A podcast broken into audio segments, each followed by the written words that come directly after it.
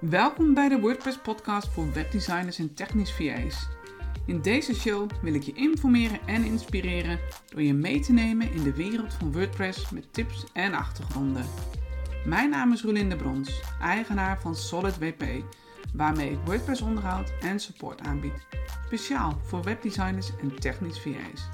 Superleuk dat je luistert. So, let's start.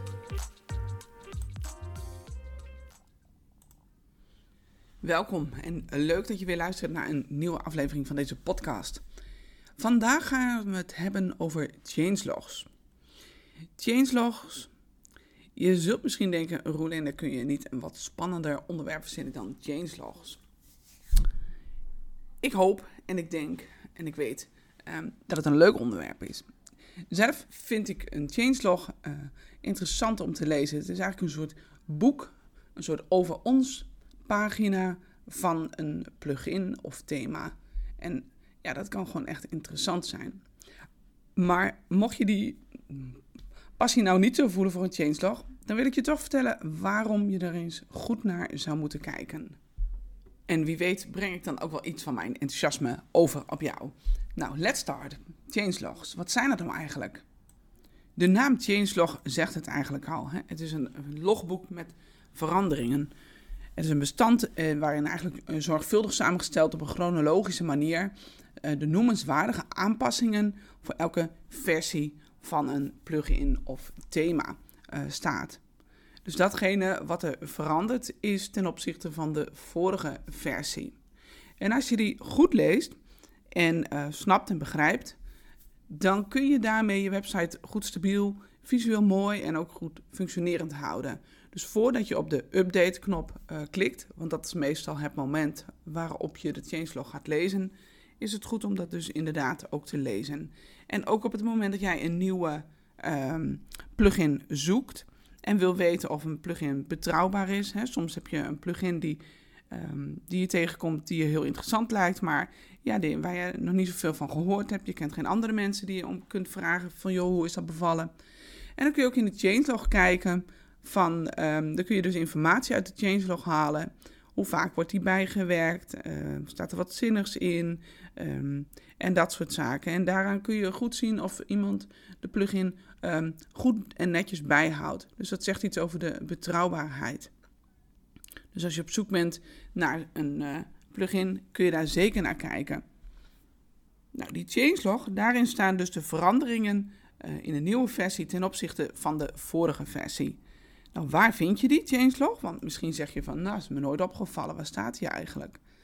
Op het moment dat jij in de WordPress-bibliotheek een plugin zoekt, dan heb je daar altijd het tapje Development bij zitten. En onder het tapje Development, daar zit, als het goed is, de changelog. En daar kun je, soms staat daar even een korte changelog met een linkje naar een webpagina waarop de hele changelog staat. want om nou een, uh, changelog van jaren en jaren en jaren nog op te zetten. Dat hoeft niet. Het gaat even om de laatste feiten.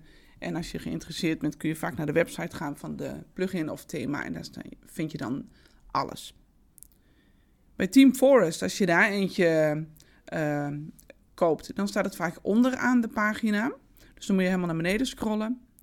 En op het moment dat jij een uh, plugin wilt updaten, wilt bijwerken, dan staat er vaak details van deze versie bekijken als linkje. En als je daarop klikt, verschijnt er een pop-up met, en dan ga je eigenlijk naar de changelog dus van die plugin um, in de bibliotheek, naar het developer tabje. En daar zie je dus de nieuwe details van de plugin.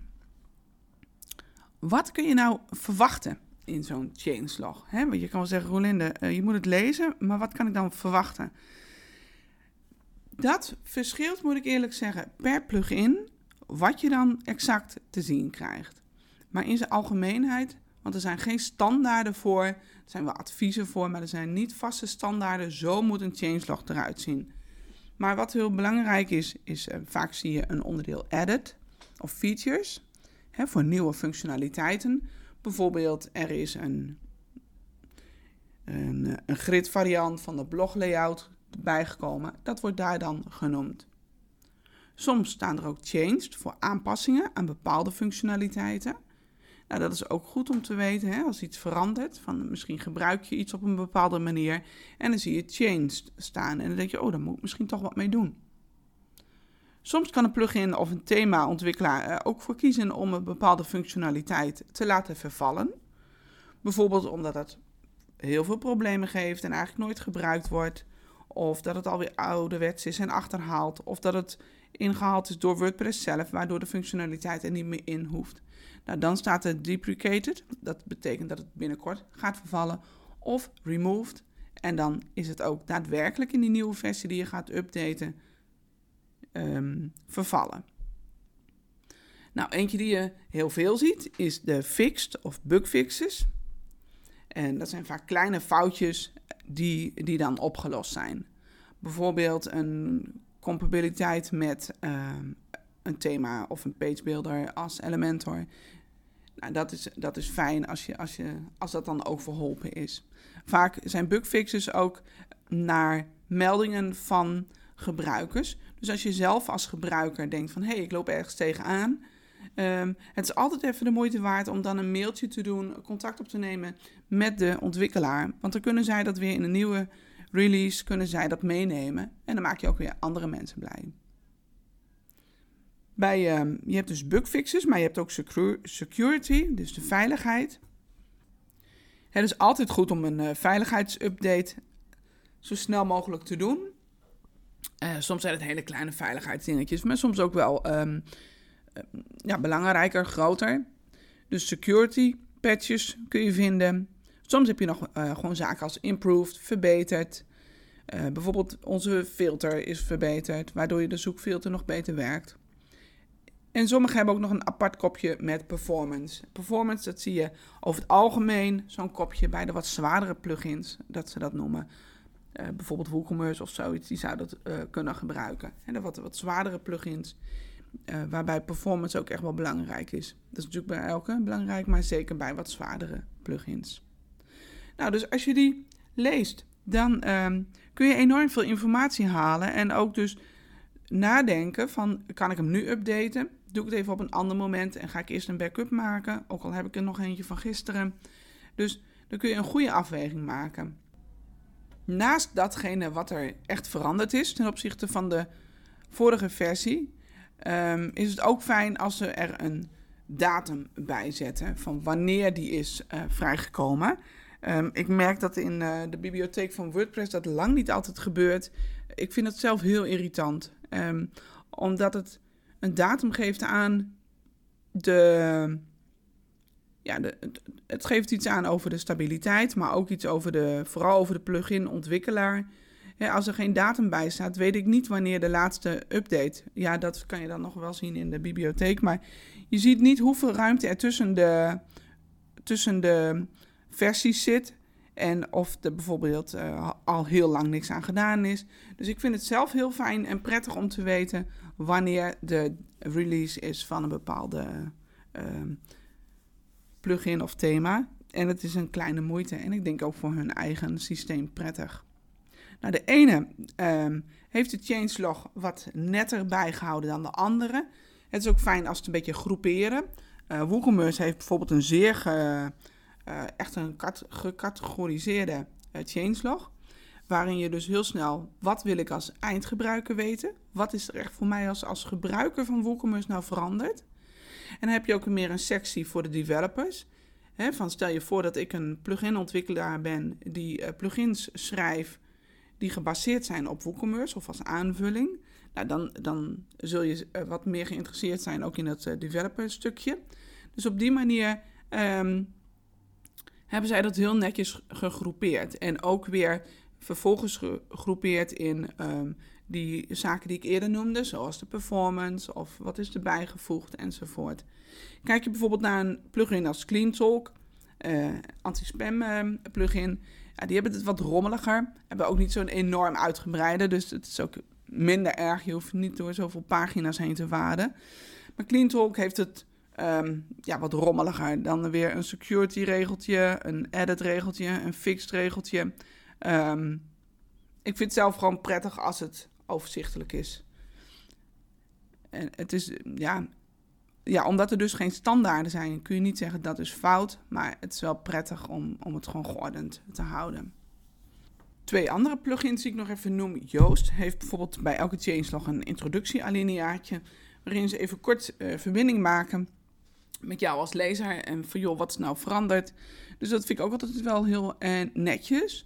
En RankMath vind ik ook een fijne changelog hebben. Die hebben heel veel, um, super duidelijk en ook uh, echt met jou als lezer op het oog. Uh, bijvoorbeeld staat er huge of important bij. Dat je echt eventjes um, nou, realiseert van... hé hey joh, dit is belangrijk, dit is minder belangrijk. En ze hebben ook veel linkjes opgenomen in hun changelog... naar artikelen waarin ze er meer over vertellen. Dus dan kun je heel goed zien van... hé, hey, dit is belangrijk, dit is minder belangrijk... en wil ik er meer over lezen, dan ga ik daar even kijken. Nou, dan wil ik nog één ding met jullie uh, bespreken... En dat gaat over de versienummering. De nummeringen van plugin, thema's en WordPress. Vaak bestaat een versie uit drie cijfers.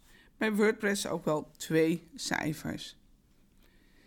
En wanneer we kijken naar de thema's en de plugins, dan worden daar vaak, niet altijd, de, dat noemen ze ook wel de semantische uh, versienummering, versiebeheer genoemd. En dat betekent dat het eerste getal, stel je voor, we hebben plugin versie nummer 427. De 4 staat voor de major. Als die verandert naar een 5 is de major update, een grote update. De middelste, stel met 427, de 2 wordt een 3. Dan is het een uh, secundaire of een minor update. En de laatste getal, 427, de 7 wordt een 8. Dan is het meer een point release of een patch. En uh, dat is een klein dingetje. Het gaat over het algemeen om uh, hele kleine bugfixes of beveiligingspatches. En je kan ook je website zo instellen dat die automatisch worden bijgewerkt. Want die hebben over het algemeen, of ja, ik moet eigenlijk zeggen nooit, maar goed, um, dat kan ik niet garanderen wat een ander doet. Um, zullen die geen effect hebben op de functionaliteit van je website en de weergave. Deze manier van versiebeheer is natuurlijk ontzettend inzichtelijk voor ons als gebruikers wanneer we iets moeten updaten. in, in, um, je zou kunnen zeggen, de mediaversie die verbreekt mogelijk, zoals ze dat heel mooi noemen, de achterwaartse compatibiliteit. Hij mag niet worden geïnstalleerd zonder testen. Dus hij kan iets kapot maken wat in de vorige versie nog wel werkte. En de middelste versie, de minor, dat getal, dat gaat vaak om het toevoegen van nieuwe functies, die wel uh, ook met de voorgaande functies werken. Dus het kan niet iets kapot maken in principe. En het is over het algemeen veilig om te updaten en niet heel urgent. Dus meestal nieuwe functies. En die laatste getalletje, hè, stel met 427 de 7 wordt een 8. Dat wordt, uh, zijn vaak beveiligingspatches en die moet je dus zo snel mogelijk installeren. En je kan ook je website zo instellen dat het automatisch gebeurt. Nou, deze manier van versiebeheer is heel inzichtelijk. Alleen het lastige is, of het lastige, uh, wat je even goed moet weten, is dat WordPress deze manier niet gebruikt. Want WordPress heeft namelijk de filosofie dat elke WordPress-versie moet qua code en qua functionaliteit backward compatible zijn met de vorige versie. Dus als iemand een stukje code heeft, um, of als er in WordPress 2 bijvoorbeeld een stuk code is geschreven, en die zit er nog steeds in, moet dat samenwerken met de code die nu in WordPress 6 is geschreven, zodat het altijd backward compatible is. En bij die vorige manier die ik je vertelde, bij dat semantische versiebeheer, daarbij is het eerste getal geeft juist aan dat het wel uh, iets kan breken. Dus vandaar, vanuit de filosofie van WordPress, we willen niet dat er iets kapot kan gaan. Um, dat willen we ook garanderen en beloven. Daarom doen ze dat niet op die manier. En de werkelijkheid leert ons wel dat je altijd goed moet opletten, want het kan wel dingen breken. En zeker um, WordPress 5.0 eh, met de introductie van Gutenberg. Ja, heel veel plugins, schrijvers moesten alle, als een malle uh, aan de gang om dat wel goed met elkaar uh, werkend te houden. Um, maar in principe is een WordPress-update dus altijd compatible met de voorgaande. Wat niet wil zeggen dat je in acht moet nemen testen en backups. Of eerst backup maken en dan testen. Dat is handiger.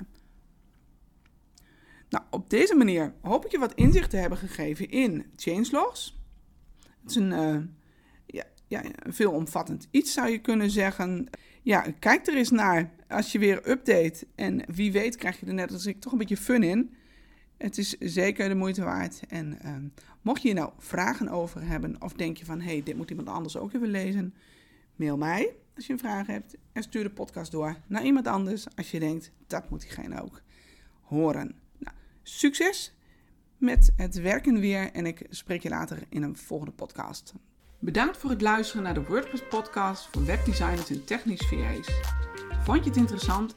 Geef mijn show dan een review op iTunes of Spotify, zodat ik weet dat je hier wat aan hebt en deel deze aflevering met anderen. Ben je geïnspireerd of wil je meer informatie? Bezoek de website solidwp.nl en neem contact met me op. Dat zou ik hartstikke leuk vinden. Voor nu nog een hele fijne dag en tot de volgende aflevering.